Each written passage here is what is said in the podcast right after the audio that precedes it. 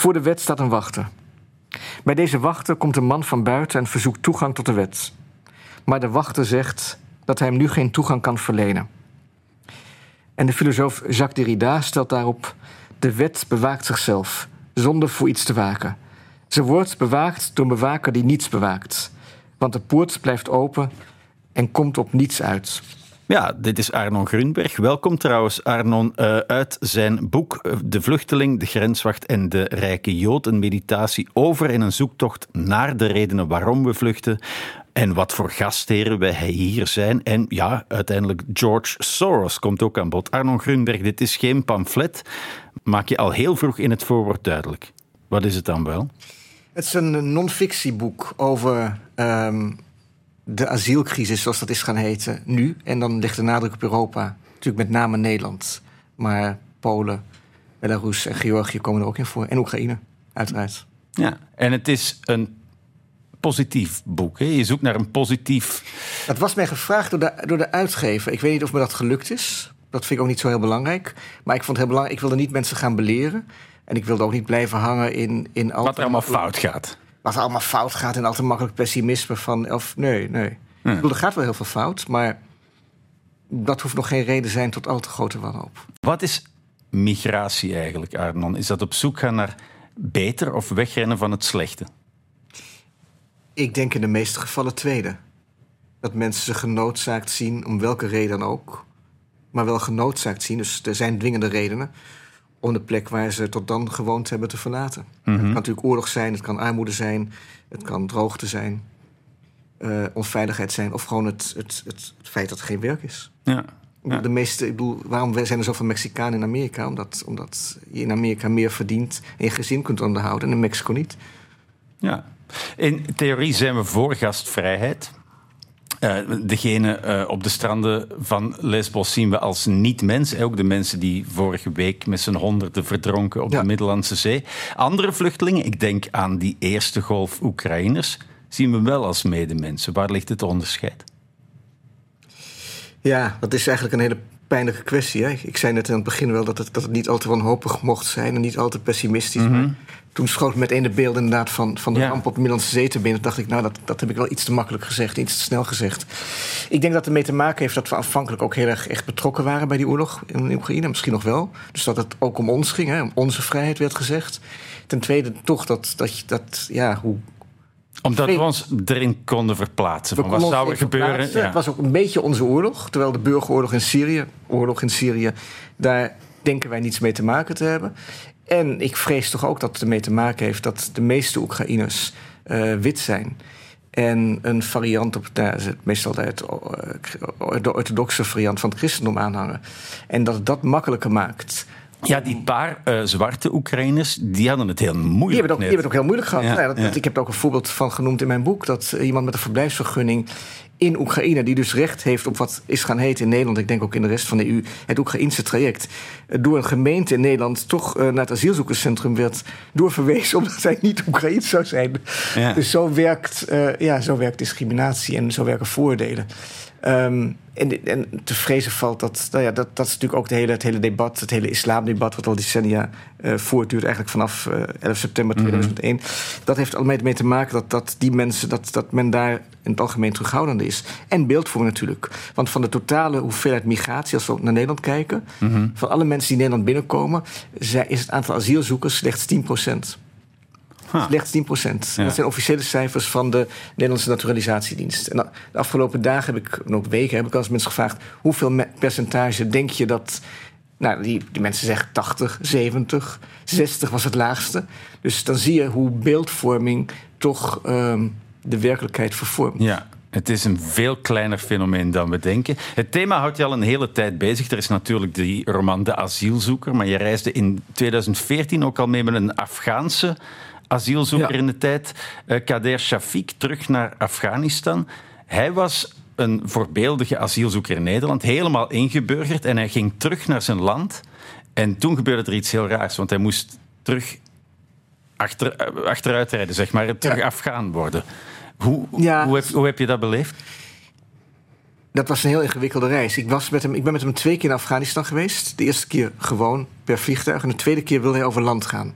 En ik wilde heel graag mee. Hij wilde, hij wilde teruggaan. En zijn moeder woont er nog. Enkele van zijn broers. Hmm. Zijn moeder is inmiddels overleden. En die reist door de voormalige, door voormalige Sovjet-Unie-republieken.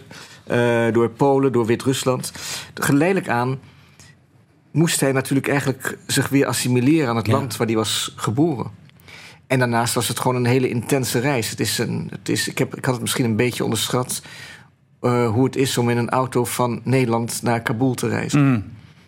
Ik had misschien ook een beetje Oezbekistan en Tajikistan onderschat. Hoe ja, de, de, gewoon de duur. Gewoon het feit dat een, dat een grenscontrole soms eh, 36 uur kan Ja. duren. Ehm, Maar dan heb En- jij een goed paspoort, want een Nederlands paspoort. hij Een zeer gegeerd. Hij ook. jij- Ja, maar dat, dat, dat is daar, je komt wel door die grens heen. Nou, dat, dat is heel goed dat je zegt. Wij, wij hebben eigenlijk een Belgisch paspoort. Een EU-paspoort is een heel goed paspoort. Ja. Eh, dus we komen er wel doorheen. Maar daar, als je over land reist, eh, ma- mag je ook wel even wachten. Oh ja. Ja, dat dan weer wel. Ja. Je schrijft, eh, zelfs de meest ingeburgerde vluchteling is veroordeeld tot een dubbel leven. hè. Je bent ook hier, eh, maar je bent eh, ook daar. Jij schrijft als een kind van vluchtelingen dat dubbel leven. Schrijf je ook, herken ik van thuis, van mijn ouders. Ehm, op een iets andere manier, denk ik. Eh, Is, is, Maar- is, het, een- is het een soort van verdund dubbelleven? Mi- minder. eh, Ja, dat zou ik toch. Ik, in het geval van mijn ouders, die, wa die waren vluchtelingen, hebben natuurlijk een oorlog meegemaakt. Was er wel. Was er van alles aan de hand. Eh, en, maar in principe was de band met het land van herkomst was toch op een rare manier ook wel half doorgesneden. Oh ja. Omdat ze zelf ook niet meer terug wilden. Hè. Ze dachten dat we gaan niet meer tussen onze moordenaars Ja. wonen. In het geval van Kader, die ik dat, ik natuurlijk dat van dichtbij heb mogen meemaken, bestaat het dubbelleven natuurlijk ook uit dat hij in Afghanistan ook noodgedwongen wel iemand anders wil en moet zijn Ja. dan in Nederland. Het feit dat hij twee dochters heeft die nooit naar Afghanistan zijn geweest, denk ik, spreekt boekdelen over hoe, hoe dat dubbelleven, hoe dat dubbelleven kan schuren en hoe ingewikkeld het is. Mhm. Eh, het steeds willen meemaken van levens van anderen, het embedded gaan, het chameleon bestaan van de belevingsslaggever. Is, verslaggever, is dat ook een verlangen naar een dubbelleven of een driedubbelleven? Het is, het is vooral nieuwsgierigheid, denk Oh ik. ja. Meer dan, ja, als ik een... du- Ik denk iedereen, dat is natuurlijk die hele mooie uitspraak hè, van Marques die ik graag aanhaal. Iedereen heeft een openbaar leven, een privéleven en een geheim leven. Ja. Ik denk, ja, je moet wel heel armzalig zijn als je die drie levens niet hebt. Dus het is niet zozeer, dit is natuurlijk ook heel erg openbaar. Maar ik vind het wel heel prettig om op plekken te kunnen komen waar, waar, waar, ik, waar heel veel andere mensen niet kunnen komen en waarover ik kan, kan berichten. ja. En op, op grond van al die. Ik, ik merk ook bijvoorbeeld in Ter Apel, het asielzoekerscentrum in Nederland. Waar over heel veel te doen is geweest de afgelopen jaren nog steeds. Het is daar niet heel makkelijk binnen te komen als journalist. Maar op grond van wat ik al geschreven had als schrijver. wilden ze wel het experiment met mij aangaan. en mocht ik bij gesprekken zitten, et cetera, et cetera. Dus dat is een voorrecht en dat vind ik ook. Dan ben dan, maar dan stap je toch heel even, je zegt zelf, dan stap je heel even in, in, in de schoenen van iemand die Absoluut. die beslissingen neemt. Ja, dat, dat, dat, is ook, dat is ook gebeurd op Schiphol. Dat werd ook mij gevraagd van wil je meekijken? Ik denk niet, dat zou ook heel onethisch zijn dat mijn advies heeft meegeteld. Maar natuurlijk, je, je, je kijkt mee en je praat mee met iemand die uiteindelijk moet beslissen over een dossier van heeft deze vreemdeling eh, recht op asiel of niet. Ja. En dan voel je toch, eh, je zegt van die macht went heel snel. Dat is het. Ja, dat wist ik in theorie al, maar dat heb ik daar weer aan de lijve ervaren. Dat je in welke positie. Kijk, ik heb het eigenlijk. Het beste voorbeeld heb ik meegemaakt in Irak. Toen ik daar meeging met Amerikaanse soldaten. Je kijkt naar een checkpoint. Dan kijk je naar die auto's van Irakees. En dan denk je: daar zit de vijand, ik moet oppassen. Maar kom je. Rij je mee met een Irakees in een personenauto en je ziet daar een checkpoint met soldaten, denk je, die kunnen op mij schieten. Ja. Dat is de vijand. Dus je perspectief begrijpt. eh, en ik begrijp een IND ook, die, die, die denkt van dit verhaal is, is zo. Kan ik dit verhaal wel geloven? Ja. Maar ik heb ook geschreven van, ik, ik, ja, ik, dat, ik hoop eigenlijk dat deze persoon, als die wordt afgewezen, dan in illega- illegaliteit verder leeft. Wat vaak ook gebeurt. Hè? En wat vaak een verkiesbare situatie is. Dat, heeft, dat hebben de ambtenaren van de IND, dat heeft de staatssecretaris in Nederland zelf gezegd. Hij begrijpt dat, dat een leven, hij gebruikt een ander woord dan illegaliteit, maar daar komt het op neer, dat een leven in illegaliteit in Nederland te verkiezen is boven een legaal leven in heel veel landen. Ja, exact. Uh, nu, we hebben het al even gehad over uh, um, ja, die, die mensen die moeten vluchten van geweld, maar er zijn ook andere uh, vluchtelingen, vluchtelingen die snakken naar welvaart, naar vrijheid. Denken we ook aan de DDR.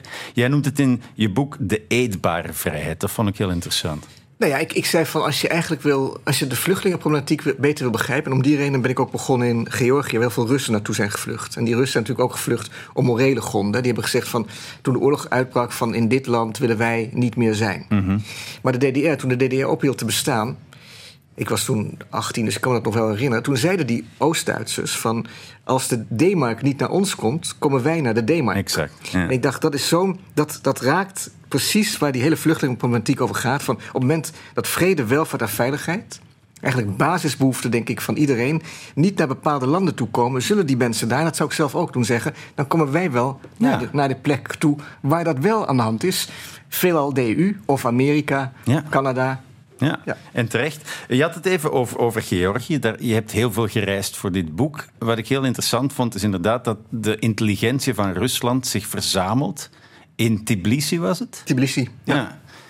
Hoe, Ja. Hoe, hoe, hoe is die situatie daar? Hoe voelt dat om al die mensen daar op, op elkaar te zien?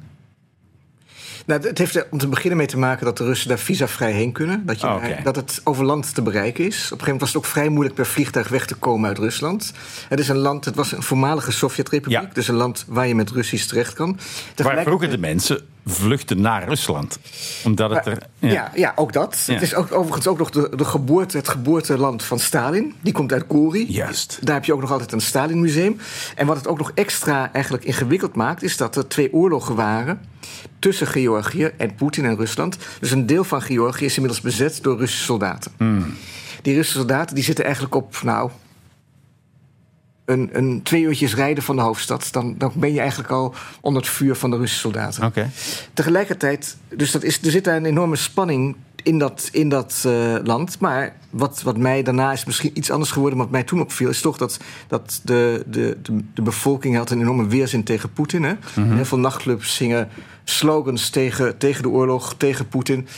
Tegelijkertijd waren de meeste Russen en Wit-Russen die ik sprak, die, die, ja, die zeiden dat ze niet te, dat ze niet echt geconfronteerd worden met agressie of anti-Russische sentimenten. Dus die mensen daar leken heel goed te kunnen onderscheid te kunnen maken tussen Poetin, tussen het, het, de staat en de burgers die zelf ook niet meer in die staat willen leven. En dat zijn er heel wat. Wat ik ook wel grappig vond, is bepaalde groepen vluchtende Russen gaan naar specifieke plekken. De rijke Russen zitten in Dubai, de Joodse Russen zitten in Tel Aviv.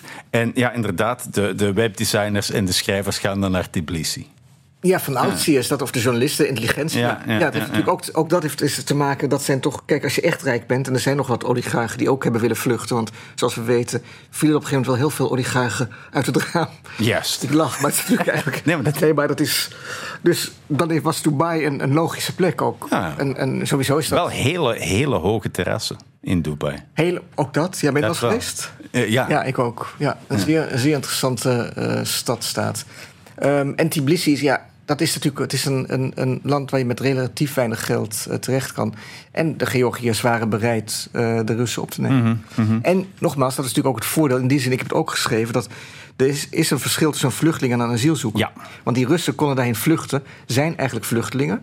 Lopen veelal de kans eh, in de gevangenis te komen... omdat ze kritisch hebben uitgelaten over de oorlog van Poetin. Ja. Maar zijn geen asielzoeker, omdat ze daar gewoon kunnen verblijven. Ja, ja, ja, en dus niet van, die hele, van dat hele kleine percentage deel uit moeten maken. Nou ja, in Nederland dan. Maar ook het heeft ook allerlei voordelen. Want je hoeft natuurlijk, het is ook een enorme. Dat verschilt per land. Maar in principe is die hele asielprocedure is ook een enorm kostbare procedure. Ja. Voor alle betrokkenen. Voor de staat, voor de asielzoeker, die heel vaak een mensensmokkelaar heeft moeten betalen. Ja, over welke bedragen hebben we het dan? Dat is gigantisch. Hè? Dat verschilt van 1000 euro tot 14.000, 15.000 euro. Ja, ja. Dat zijn gigantische bedragen. En dat is ook. ehm, kijk, iedereen zegt we zijn tegen mensensmokkelaars. Maar als je echt tegen mensensmokkelaars zou, als je het echt tegen bent, dan moet je een andere manier van migratie gaan aanbieden. En daarmee voorkom je ook. Het is eigenlijk heel simpel. Er zijn, voor heel veel mensen is de enige manier om legale grens over te steken... is te zeggen, ik ben asielzoeker. En zelfs dan lukt het vaak nog niet, omdat er pushbacks zijn. Maar als je in Nederland bij vliegtuig aankomt op een vals paspoort... en je wordt uh, uh, gesnapt, mm wordt aangehouden door de marechaussee... je samen met hem zal hetzelfde zijn... dan word je meteen teruggestuurd, ja. direct... tenzij je zegt, hey, ik vraag asiel aan. Ja. Want dan mag het niet meer. -hmm. Dus daar zit een perverse prikkel in het systeem... waarover beter zou kunnen worden nagedacht. Hoe dan? Nou, door te zeggen van we gaan, we gaan, we gaan legale migratie aanbieden. Ik, ben, ik begrijp helemaal dat open grenzen is niet haalbaar. Dat begrijp ik. Dat is, daar heb je ook geen draagvlak voor.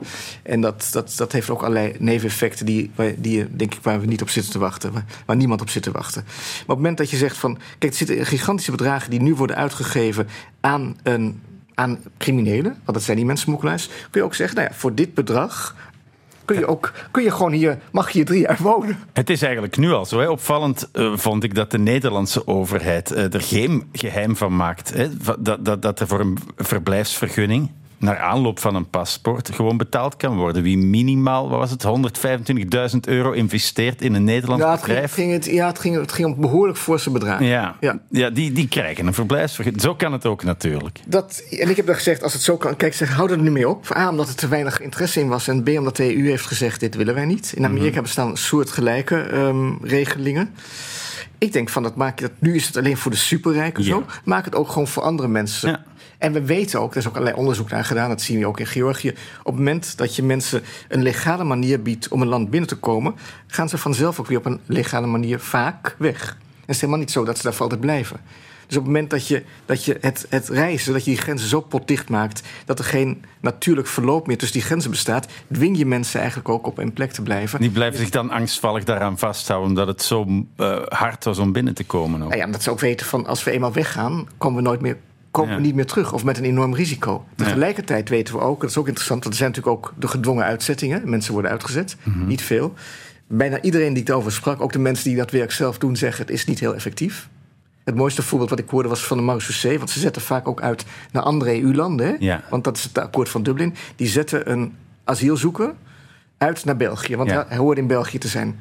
Hij was eerder terug in Nederland dan de Marseillais. Exact, exact. Dus, ja, ja, ja. Uh, nu, er wordt ook wel eens een bedragje geboden aan mensen die uh, vertrekken. Een soort van, van uh, ja, be dat... beloning om, om, om terug te keren. Ja, kijk, omdat die gedwongen uitzettingen zijn natuurlijk A, niet heel humaan. Dus er zitten allerlei mensen proberen de staat, zeker dat bestaat ook in andere landen, zegt van als je teruggaat, krijg je wat geld. Ja. Dat wordt dan geboden. IOM, dat is een internationale organisatie voor migratie, die doet dat veelal.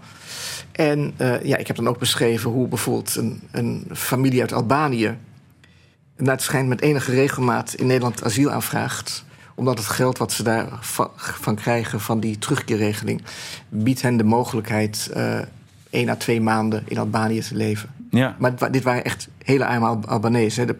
Hij ging rond met een kraatje met oud metaal. Ja. Dus, um, en toch, en dat zeiden ze ook heel eerlijk in Te Apel, van ja, die komen hier dan twee maanden op vakantie. Uitrusten, ja. Die komen ja. uitrusten. Ja, die komen, ja. Ja, dat snap ik ook. Uh, nu, maar dit is Albanië, let wel, we hebben het gewoon over, over een land waar... Dit niet buiten Europa. Niet buiten ja, Europa, ja. waar wat ooit misschien EU, dat zit, ja. Ja, ja. Uh, die tijd in Ter Apel, hoe, hoe heb je die beleefd? Je hebt het vergeleken met een, een, een bejaardentehuis. Maar dan niet voor mensen op het einde van hun leven, maar mensen die er middenin ja. zitten. Ik zat natuurlijk op een hele rare tijd in Ter Apel. Dat was mijn geluk. Het was de tijd verleden zomer dat, dat er zo'n instroom was. Een beetje een naar woord, maar dat er zoveel asielzoekers kwamen... dat, dat het uh, asielzoekerscentrum het eigenlijk de, de, de, mensen niet meer kon verwerken. Dus -hmm. buiten de poort waren uh, kampementen ontstaan. Tegelijkertijd was er nog het boerenprotest. Um, dus het, die, en, en het was heel duidelijk dat de mensen die daar werkten eigenlijk uh, overvraagd werden. Het gewoon ja. niet meer aankonden. En het was ook volstrekt onduidelijk. Zelfs voor de mensen die er werkten, voor de mensen die wachten, van hoe hoe gaat het nu verder? Zijn we al geregistreerd? Waar gaan we naartoe? Asielzoekers waren bang dat als ze voor die poort zouden weggaan, dat ze hun plek in de rij zouden verliezen, terwijl er helemaal geen rij was. Ja. En natuurlijk het binnen is het, is het, het enorme wachten. Omdat, en terwijl het in Nederland valt het nog mee, in andere landen duurt het veel langer het systeem zo verstopt is geraakt, ook omdat er te weinig in geïnvesteerd is, voornamelijk daarom. Ja. En omdat er geen andere legale migratie is, dat, dat je daar maar zit te wachten. En, um, en je mag ook niet werken. Of niet echt, ja, een beetje. kleine klusjes. Je mag kleine klusjes doen voor echt voor, ik geloof, voor 20 cent of 30 cent per uur. Echt een minimaal bedrag. Dus dat, dat, dat gaf toch wel het gevoel. Het betekent ook dat mensen eigenlijk het, het, een, een, een enorm lethargisch gevoel, vond ik, Ja. ik daaraan. Ja. En ook een soort van, van. Er wordt ook een soort levensdoel op pauze gezet of zo. Volstrekt. Ja. Ja. Ehm, nu, jij hebt ervoor gekozen, zei je net, om als Nederlander het boek te schrijven, vanuit dat perspectief als Europeaan.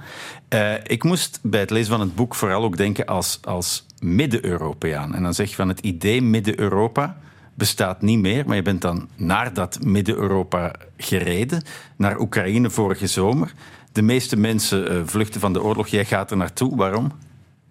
Ja, ik vond, als ik over het asielprobleem wil schrijven in 2022, 2023, dan kan ik Oekraïne niet laten zitten. En ik wil ook eigenlijk, ik wilde zoveel mogelijk kanten belichten van, van de vluchtelingen. Ja. En dat betekent ook wat IDP's heet hè, in, in, de, international, in, de, in de wereld, die is eigenlijk verengelst eh, in- internally displaced persons. Dus mensen die vluchten in het eigen land. Ja. Dat heb je natuurlijk in Oekraïne ook heel veel. Ja.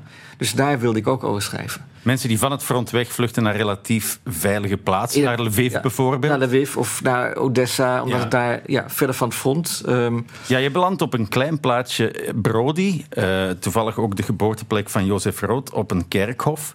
Eh, eh, je zegt van hier wil ik begraven worden. Ja, daar was ik al eens geweest. Daar was ik, inderdaad, deze reis ben ik dan niet geweest. Maar dan ben ik ehm, een, ja, een keer... Ik ben meerdere malen in Oekraïne geweest voor de oorlog. Mhm. En Jozef Rood is voor mij een... een nou ja, niet, niet alleen voor mij, maar voor velen... en ook voor mij een, een hele belangrijke schrijver. Een schrijver ook met wie ik heel veel affiniteit heb. Hij, En een schrijver die extreem actueel is ook. Als je, als je die boeken hij leest. heeft nooit... Zeker, ook omdat hij... Hij schreef... Hij schreef over oorlog. Hij was, hij schreef, hij was eigenlijk had een hele ambigu, ambiguur verhouding ten opzichte van zijn eh, thuisland. Ja. Wat ophield te bestaan. Het Oostenrijks-Hongaarse keizerrijk. Hij kwam uit een, uit een Joodse familie uit het oosten van het rijk. Maar hij voelde een enorme loyaliteit eigenlijk. En nostalgie naar die keizer. En dat hield op te bestaan met de Eerste Wereldoorlog. En hij begreep, ja, ik denk dat hij heel veel. Hij, hij maakte zich weinig illusies over de wereld. Maar hij schreef toch met, met, met humor en mededogen over de mensen. En daarnaast, wat, ik, wat, wat mij natuurlijk ook persoonlijk aantrok, is dat hij ehm, van hotel naar hotel reist. Ja. Hij was ook een alcoholist, dat, dat trekt me dan weer wat minder aan, maar ook dat begrijp ik. Ehm, dus dat, en, en er is een Joods begraafplaatsje in Brody. Ja. Oekraïne is natuurlijk een heel, ik weet niet of je er was geweest, maar dat is natuurlijk eigenlijk is daar omdat er, is, er zijn nog in op heel veel plekken, zeker buiten de grote steden, kun je nog wanen in 1946, In 1947. Fiddler on the Roof, zeg maar. Bijna, Ja. bijna wel, Ja. alleen dan zonder de mensen. Ja, ja. En toen dacht ik, en dan liepen de gaasten, geiten en eh, schapen. Toen dacht ik, dat lijkt me zo mooi om hier begraven te worden. Ja. En ik beschrijf natuurlijk ook dat mijn grootvader van vaderskant... en mijn grootmoeder van Mhm. vaderskant... Uit, niet uit Brody, maar wel uit die buurt rondom Lviv komt. Ja. Dit, Lviv is een stad die, ja, die al lang niet meer is wat die was, maar die wel enorm tot de verbeelding spreekt. Op, op het hoogtepunt, wat voor plek was dat? Lemberg Het was het Lemberg, het was, ja, natuurlijk, het was één, het was, een, een, een, het was- het was geen uithoek van het Oostenrijks-Hongaarse keizerrijk... maar een van de, van de eh, steden waar, waar men heen ging om daar een beter leven te leiden. Dus het was een, niet, niet op die schaal als Wenen, niet op die schaal als Budapest... maar toch, het was een, een, een, een wereldstadje. Ja, En dat is natuurlijk, ja. Er zijn een aantal oorlogen overheen gegaan. Hè. De Eerste Wereldoorlog is overheen gegaan, de Pools-Russische oorlog. Het Rode Leger is er geweest, de nazi's zijn er geweest. en nu staan de Russen geldt- weer voor de deur. Dat geldt voor heel Oekraïne. Ja, en dat is ja. eigenlijk dus natuurlijk Timothy Snyder, de Amerikaanse historicus, heeft een heel mooi boek geschreven, Bloodlands. Waar hij eigenlijk beschrijft dat die strook die een beetje loopt van, van Litouwen, Estland Mhm. naar de Zwarte Zee, naar Odessa, dat dat de strook is waar zowel Stalin als Hitler eh, intens hebben huisgehouden. Ja, en heel vrede dingen zijn gebeurd over Daar de hele lijn. dat- Ja, ja, ja. absoluut. Eh, wat voor plek is het nu? Nu is het echt een, een, een provinciestad Oh, geworden. Ja, Ja. ja. met nog wel een beetje de grandeur, wat je natuurlijk ook in Wenen van, van vroeger. En het is natuurlijk ook een heel ander. Het is- zo we- West-Oekraïne. Dat, dat, het is een heel ander soort, eh, wat mij betreft, Oekraïne dan, dan als je echt naar het oosten gaat, dan Kiev bijvoorbeeld. Hoewel ik denk dat Poetin er wel in geslaagd is, en dat zeiden de Oekraïners ook eh, tegen mij verleden jaar in september, om, om, om dat verdeelde Oekraïne of eigenlijk te, te, te verenigen. Geeft mensen ja, een, een vijand, beginnen Gemeenschappelijke vijand. Ja. Ja. Eh, ik wil nog heel even naar, naar uh, Lviv zoals het was. Uh, je schrijft, ja, de open cosmopolitische liberale samenleving had het meest virulente nationalisme gebaard. En ja, dat, dan heb je een soort van noodlottige, vicieuze cirkel. Ja, ja. ja, um, dat Odessa was een uithoek van het Tsaristisch Rijk, wat eigenlijk een hele liberale uithoek was, waar ontzettend veel etniciteiten samenleefden. Je had de Turken, de Bulgaren, de Joden, die op een gegeven moment 50% van die stad uitmaakten. Er was daar heel veel schrijvers gingen daarheen. En na de eerste mislukte revolutie van 1905 kwamen daar de pogroms die, tegen de Joden. Uh, ook behoorlijk gruwelig, gruwel, uh, gewelddadig en gruwelijk. En daarna wordt ook beschreven, dat, en dat zei ook degene die mij daar rondleidde van het Literair Museum. Toen was het iedere etniciteit voor zich alleen. En kwam het nationalisme op. Ja, ja. En, en was het geloof dat in, in, in zo'n open liberale samenleving, die daar al was, um, eigenlijk volledig de grond in getrapt. Is dat nog ooit ergens gebeurd? Op, op, op, op, op die duidelijke manier? Niet op die. Ik denk dat zijn natuurlijk pogroms en geweld, maar het Odessa was echt een voorbeeld van. van Pushkin ging ook heen. Ja. Iedereen elke ja. omdat het daar. Het was een, een, een, een paradijsje, kan je zeggen. Ik bedoel, denk ik, op heel veel manieren. Um, en dat, dat, die, die val van, van naar zo'n openheid, naar zo'n, naar zo'n uh, uh, gemengde samenleving, toch naar, naar een volstrekt ja. Uh, samenleving waarin je eigenlijk bijna op kleine schaal een burgeroorlog hebt. Hè? Mm Waar de ene etniciteit tegen de andere gaat vechten. Dat, dat ken ik niet zoveel goede voorbeelden van als, als Odessa. Ja. Je staat in Odessa, uh, in het boek tenminste, ook voor het huis, voor de, voor het huis van de schrijver Jabotinsky. Ja. eigenlijk een hele goede schrijver. Ja. Die geen succes had en zich dan op politiek ging toeleggen. Het redelijk succes, maar hij, was natuurlijk, hij, had, hij, was, hij kwam anders dan Isaac Babel, die, die voor mij ook een heel belangrijke schrijver is. Jabotinsky kwam uit, was Joods, ja. kwam uit de bourgeoisie, mm schreef. En na 1905 dacht hij, en natuurlijk heeft hij de Dreyfus-affaire en alles wat er gebeurde, hij werd een, hij werd een fanatieke zionist. En hij ging uh, uh, um, eigenlijk, hij hield op met schrijven en hij zei van nu wat ik nu moet doen is politiek bedrijven. En zijn, ja, natuurlijk verschillende stromingen aan het sionisme. Zijn stroming werd eigenlijk de stroming waaruit later de Likud-partij van uh, Begin ja. en Netanyahu is voortgekomen. Ja, heel mooi vond ik ook dat hij zegt van staand voor het appartement van Jabotinsky, die schrijver dus, moest ik aan George Soros denken. Juist omdat in Odessa de moderniteit uh, diverse malen is vernietigd. Uh, maar uh, werden daar, vandaar het ook weer opnieuw vluchtelingen geproduceerd. Ja, kijk, soort Soros, ik bedoel, het is, voor mij is, is dat het symbool natuurlijk van heel vaak, als je kijkt naar die geschiedenis van het antisemitisme, zie je dat, dat, dat het verwijt is gemaakt dat, dat uh, en zo is er maar één van, dat Joden zelf natuurlijk um, stateloos zijn, nergens thuis horen, maar ook uh, de laatste decennia hoor je dat ze eigenlijk de, de, de, de achter de grote omvolkingstheorie zouden zitten. Dat zij, de Joden, zouden dan de Europeanen willen vervangen door moslims of Afrikanen. Ja, ja, ja. En dat verwijt gaat natuurlijk helemaal op voor Soros, die vanwege zijn rijkdom en vanwege het feit dat hij door middel van zijn stichtingen allerlei goede doelen ondersteunt. Mm -hmm. Waaronder hij, hij hij is pro-migratie. Hij denkt ook anders nou over migratie. Hij denkt zeker, heeft ook concrete voorstellen gedaan over hoe het beter zou, zou kunnen. Uh, is hij met name in landen als Hongarije en Polen, maar hij duikt natuurlijk over, overal op als symbool. Is hij, is hij de, met, allerlei, met alle antisemitische karikaturen die daarbij horen, is hij de vijand bij uitstek. Ja. Dus ik, dat is natuurlijk, ik vond, dat wist ik eigenlijk meteen toen ik dit boek ging schrijven, dat je eigenlijk niet om een figuur als Soros heen kan als je ook de vluchtelingenproblematiek, zoals ik, zoals ik dat wilde, van alle kanten uh, wilde belichten. Nou, hij krijgt ook kritiek hè, op, die, op die ideeën over uh, andere manieren van immigratie. Wat zijn die ideeën precies? Nou ja, hij is ook niet voor open grenzen, maar hij zegt van zoals het nu gaat, hij is ook tot de conclusie gekomen dat het Dublin-akkoord um, uh, niet werkt. En hij zegt bijvoorbeeld, je kan, hij is voor een loterij, hè, dat je dat, je, dat, dat om wat is natuurlijk wel zo dat landen als, dat is een feit, Griekenland, Italië, dus de, de, de landen first entry wordt genoemd, die dragen eigenlijk buitenproportioneel veel bij aan, aan die problemen, hebben, hebben, hebben het daarom moeilijker. Dus je zegt, verdeel die asielzoekers, verdeel de vluchtelingen op een eerlijkere manier over Europa. En laat bijvoorbeeld door middel van loting wordt bepaald wie waar uh, terechtkomt. En als iemand zegt, wat heel veel asielzoekers bijvoorbeeld zeggen... van ik wil heel graag naar Duitsland, ja. heeft een goede naam onder vluchtelingen... dat kan, maar dan moeten ze gewoon langer wachten. Ja. Dus dat zou een manier zijn om het, om het systeem iets rechtvaardiger te maken... en ook om ervoor te zorgen, want door die enorme druk... Nou, bijvoorbeeld Nederland mag geen eh, vreemdelingen meer uitwijzen naar Griekenland... en ook niet meer naar Italië... omdat de asielzoekers daar zo worden behandeld... dat het niet meer in lijn is met hoe wij over mensenrechten denken. Ja, ja. En als je daarover nadenkt. Ik weet niet hoe, of België nog mensen uitwijst naar, naar, Griekenland en Italië, maar dat doet er niet zoveel toe. Het gaat gewoon om het feit dat al één land dat niet meer doet. Terwijl het wel om EU-landen gaat. Dus dat zegt al iets over de, de, de, nou ja, hoe fragiel uh, de Europese waarden zijn. En waarom komt daar dan zo'n harde kritiek op? Want dat lijkt me toch niet zo'n heel onredelijk idee. Van Soos, omdat ja. natuurlijk, ik denk toch omdat hij met. Omdat hij is wie hij is. Omdat hij is wie hij is. En dat sommige mensen zeggen: wij willen gewoon alles wat, wat ruikt naar vluchtelingen, willen wij zo snel mogelijk de grens overzetten. Ja. ja. Uh, rechtse stemmen beweren: onze heimat wordt ingenomen. Uh, bestaat er eigenlijk zoiets als een recht op heimat? Ja, die vraag, wordt die ik ook, die ik ook stel. hè? Ik bedoel, dat is, uh, want je hebt natuurlijk Europa en daarom ben ik ook naar Polen gegaan.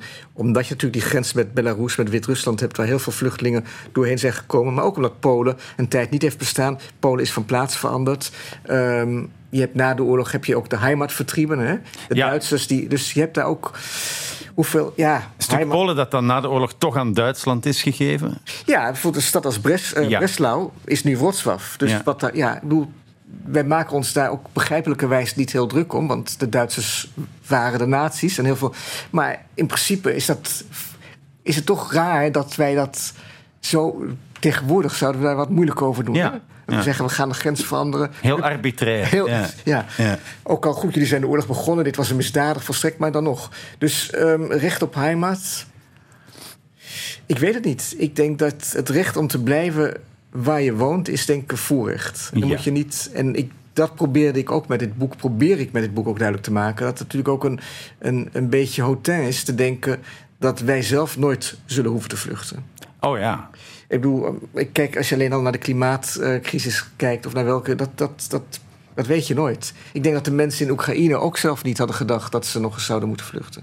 Nee, en ineens is het zover. Staat jouw koffer klaar? Nee, zo ben ik, zo ben ik niet. Nee. Ik woon al, dat, ik zou, nee, maar ik, ik heb wel, hoop ik, een, een, een flexibiliteit in mijn leven aangebracht die, die het mogelijk maakt. Ik vind, het, het, het is net als op een schaakbord. Hè. Soms heb je een andere stelling en is, het, ziet het schaakbord er anders uit, dan moet je andere zetten gaan doen. En dan heeft het weinig zin je de hele tijd te gaan beklagen van ja, maar ik had eigenlijk... Ik had Dit eigenlijk, gepland. Ik had eigenlijk een heel ander schaakspel gepland. Ja, ja, ja. ja, ja. Um, nu, het moest een oplossingsgericht boek worden. Je, je, hebt, je raakt een aantal oplossingen aan. Je hebt het ook over een muur.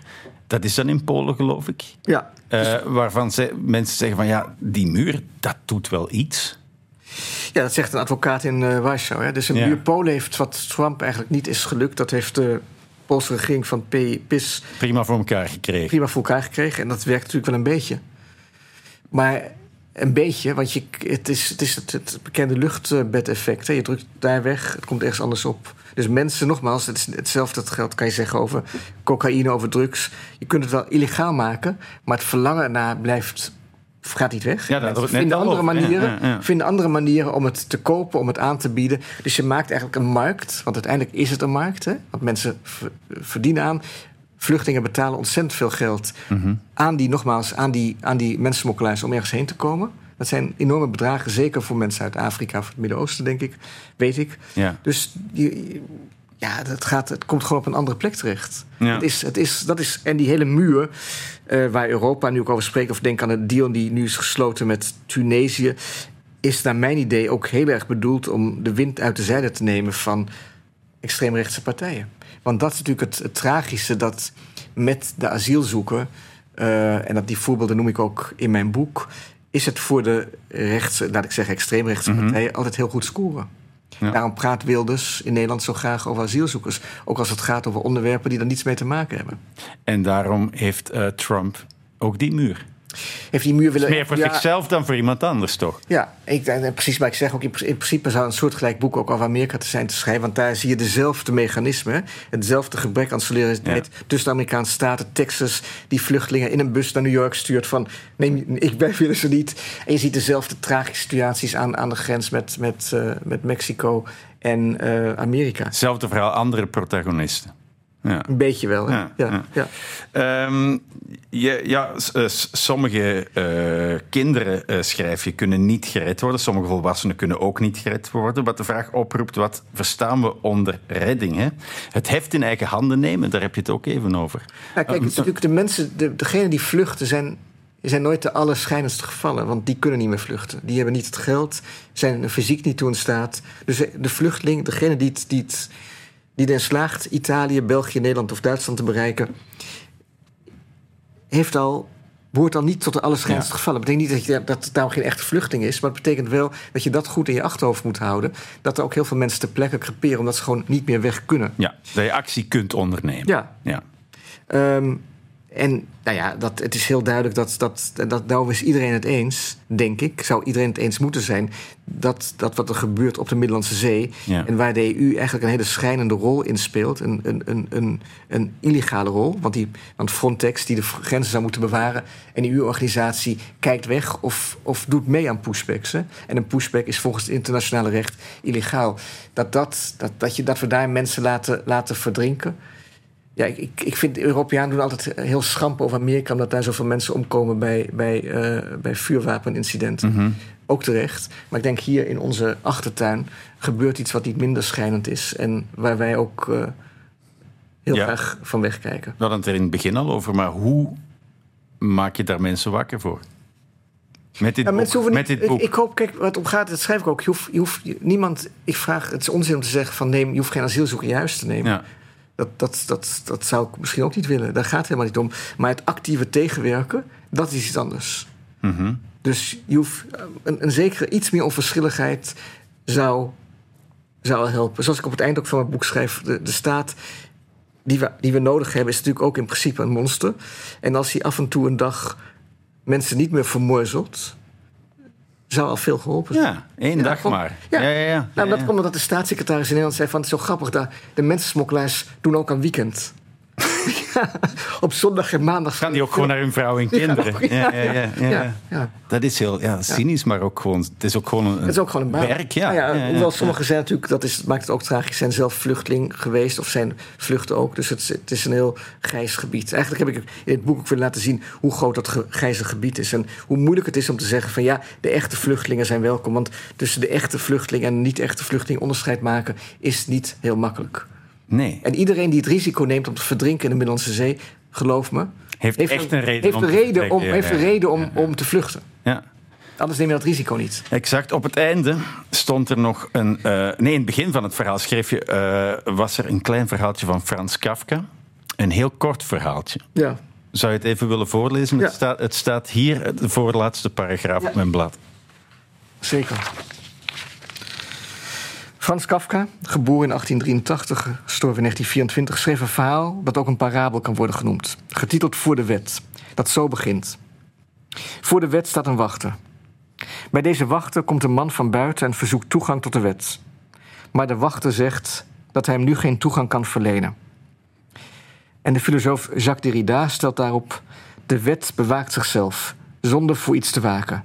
Ze wordt bewaakt door een bewaker die niets bewaakt. Want de poort blijft open en komt op niets uit. Ja. Ja, nou ja, het is, het is bijna. Het is moeilijk om. Als je in die asielzoekerscentra bent geweest, als je ziet hoe, hoe, hoe um, daar wordt gewacht op de wet eigenlijk om, om niet aan deze parabel te denken. Ja. En ook natuurlijk, ik begrijp, ik heb dat was ook een doelstelling van mij. Ik begrijp ook, de mensen die werken voor die ND... zijn doorgaans voor die naturalisatiedienst in Nederland... zijn hele fatsoenlijke en aardige, sympathieke mensen. Daar, daar zit het niet in. Die echt het beste... die eigenlijk ook de vreemdeling willen helpen, in principe. Maar er zit... En dat is helemaal niet alleen een Nederlands probleem... maar een internationaal probleem, een EU-probleem. Er zit... Er zit om, wat ik net zei, omdat er geen andere mogelijkheid is voor heel veel mensen die grenzen te overschrijden... Um, nemen ze toegang tot, tot de asielaanvraag en krijg je verstoppingen. Ja. Dus dat, is heel logisch. Op het moment dat je maar één kleine opening door, als, er maar één kleine opening is waar heel veel mensen doorheen willen, krijg je een verstopping.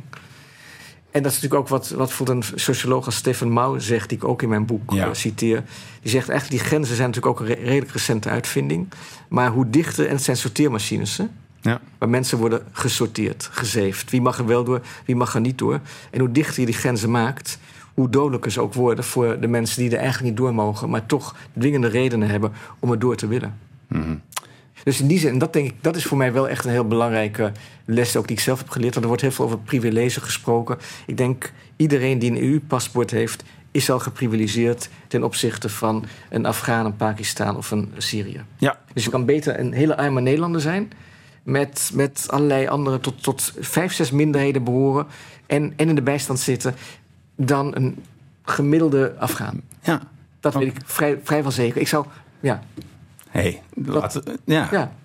Oké, laten we daar uh, het Belgische volk de avond mee insturen. dat is een goed idee. Arno Grunberg, bedankt voor het gesprek.